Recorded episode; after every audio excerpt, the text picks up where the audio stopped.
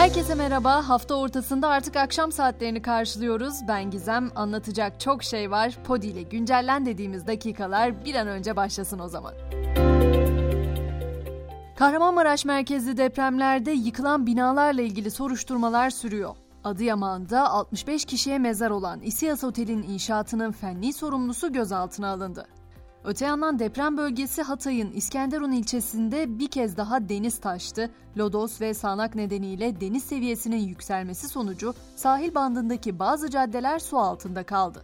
Yaşanan sel felaketi sonrası ise yok oldukları düşünülen balıklardan iyi haber var. Dünyanın en büyük doğal akvaryumu olarak bilinen Şanlıurfa'nın simgesi Balıklı Göl'de deprem ve sel felaketleri sonrası çamur rengini alan suyun normale dönmesiyle birlikte balıklar da yeniden ortaya çıktı. Gelelim başkent gündemine seçim tarihi yaklaşırken siyaset kulislerinde de hareketlilik artıyor. Belki de en çok konuşulan, en çok merak edilen görüşmelerden biri gerçekleşti bugün. CHP lideri Kılıçdaroğlu, Memleket Partisi lideri Muharrem İnce'yi ziyaret etti. Görüşme sonrası Kılıçdaroğlu Halil İbrahim sofrasını büyütmeye çalışıyoruz dedi. İnce ise siyasette ittifaklar olmalıdır ama menfaat değil ilke ittifakı olmalıdır. Bizim ilkelerimiz nettir. Atatürk'ü tartışmayız, teröre karşı mesafeliyiz. Bu duruştan taviz vermeyiz dedi. İnce adaylıktan çekilecek misiniz sorusuna ise hayır yanıtını verdi. Cumhurbaşkanı Erdoğan ise bugün Büyük Birlik Partisi lideri Mustafa Destici ile bir araya geldi. Görüşme sonrası Destici, seçimlere partisinin kendi amblemi ve milletvekili adaylarıyla gireceğini vurguladı ve dört siyasi parti kendi listelerini hazırlıyor dedi. Bir dikkat çekici haberse bugün Türkiye İşçi Partisi'nden geldi. Oyuncu Mehmet Aslantu seçimlerde Türkiye İşçi Partisi'nin milletvekili adaylık teklifini kabul etti. Aslantu'nun adaylığını TİP Genel Başkanı Erkan Baş sosyal medya hesabından duyurdu. Ceplerimizi ilgilendiren konularda da gelişmeler var. Cumhurbaşkanı Erdoğan doğalgaz ve elektrikte indirim yapılacağını açıkladı. Elektrikte %15, sanayi doğalgazında ise %20'lik indirim Nisan ayından itibaren geçerli olacak. Maaş zamları konusunda ise hükümetten bugün farklı açıklamalar geldi. Cumhurbaşkanı Erdoğan Temmuz ayında asgari ücrete zam yapılacağını açıkladı. Oysa sabah saatlerinde Çalışma Bakanı Bilgin asgari ücrete ara zammın gündemde olmadığını söylemişti. İyi Parti lideri Akşener de en düşük emekli maaşına yapılan zammı eleştirdi. Akşener asgari ücret 8506 lirayken 7500 lira maaş emeklilere hakarettir dedi. Bu arada biz asgari ücret ve emekli maaşlarını tartışırken bugün Türk İş açlık ve yoksulluk sınırını açıkladı. Mayıs ayında 4 kişilik bir ailenin açlık sınırı 9591, yoksulluk sınırı ise 31241 liraya yükseldi. Türkiye'nin yerli otomobili içinse bugün çekiliş günü. TOG'un elektrikli su modeli için 177.467 ön sipariş alınmıştı. Noter huzurunda yapılacak kura çekilişi bugün saat 21'de TOG'un YouTube kanalından yayınlanacak.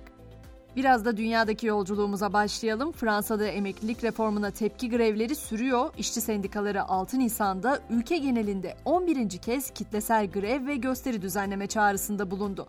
Rusya-Ukrayna savaşı da devam ediyor. Ukrayna Savunma Bakanlığı Bakmut'ta bir Rus bombardıman uçağını imha ettiklerini duyurdu. Öte yandan Ukrayna lideri Zelenski, Çinli mevkidaşı Xi Jinping'i Kiev'e davet etti.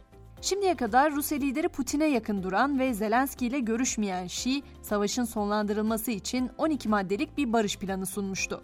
Tansiyonun yüksek olduğu bir diğer yere İsrail'e gidiyoruz. Yargı reformunu durdurma adımı ülkede samimi bulunmadı ve gösteri düzenleyen gruplardan 34'ü eylemlerini sürdüreceklerini duyurdu. Öte yandan İsrail Başbakanı Netanyahu, Amerikan Başkanı Biden'ın yargı reformu planı ile ilgili eleştirilerine tepki gösterdi. Netanyahu, Washington'ı İsrail'in iç işlerine karışmamaya çağırdı. Biden ise İsrail'in iç işlerine karıştıkları iddialarını reddetti. Müdahale etmiyoruz, bu husustaki pozisyonumu biliyorlar diye konuştu. Uzun süredir Avrupa'daki Schengen vizeleriyle ilgili de ya red süreçlerini ya da uzayan süreçleri konuşuyoruz ama şimdi konuşacağımız konu dijital vize. Avrupa Birliği Schengen vizelerinin pasaportlara basılması yerine dijital hale getirilmesi için bir adım daha attı. Avrupa Birliği Konseyi'ni oluşturan üye ülkelerin büyükelçileri müzakere yetkisi üzerinde uzlaştı. Böylece konsey dijital vizeye geçilmesi konusunda Avrupa Parlamentosu ile müzakerelere başlayabilecek. Son haberlerimse teknoloji dünyasından Twitter'ı aldığı günden beri herkese eşit davranmak konusunda son derece kararlı olduğunu söyleyen Musk algoritmasıyla şaşırttı.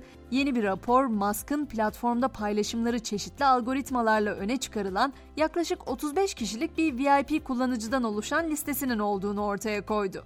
Musk'ın seçkin kullanıcılar listesinde ABD Başkanı Biden'ın yanı sıra bazı gazeteciler, Hollywood yıldızları, sporcular ve sosyal medya fenomenleri yer alıyor. Google'ın eski mühendislerinden biri ise insanların 8 yıl içinde ölümsüzlüğe ulaşacağını öne sürdü.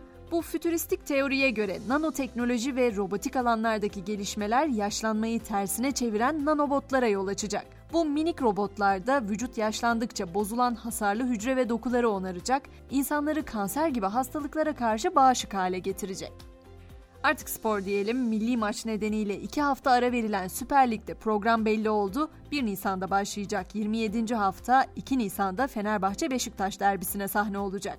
Potada ise bu akşam Fenerbahçe Beko Avrupa Ligi'nin 31. haftasında İspanya'nın Real Madrid ekibine konuk olacak. Maç saat 21.45'te başlayacak. Ve güncelleni bu akşam Şafor'un sözleriyle noktalayalım. Kolay iş değildir mutluluk. İçimizde bulmak zor, başka yerde bulmaksa imkansızdır diyor. Umarım zoru kolaylıkla hallederiz. İmkansız sadece biraz zaman alır. Yarın sabah yeniden görüşünceye kadar şimdilik hoşçakalın.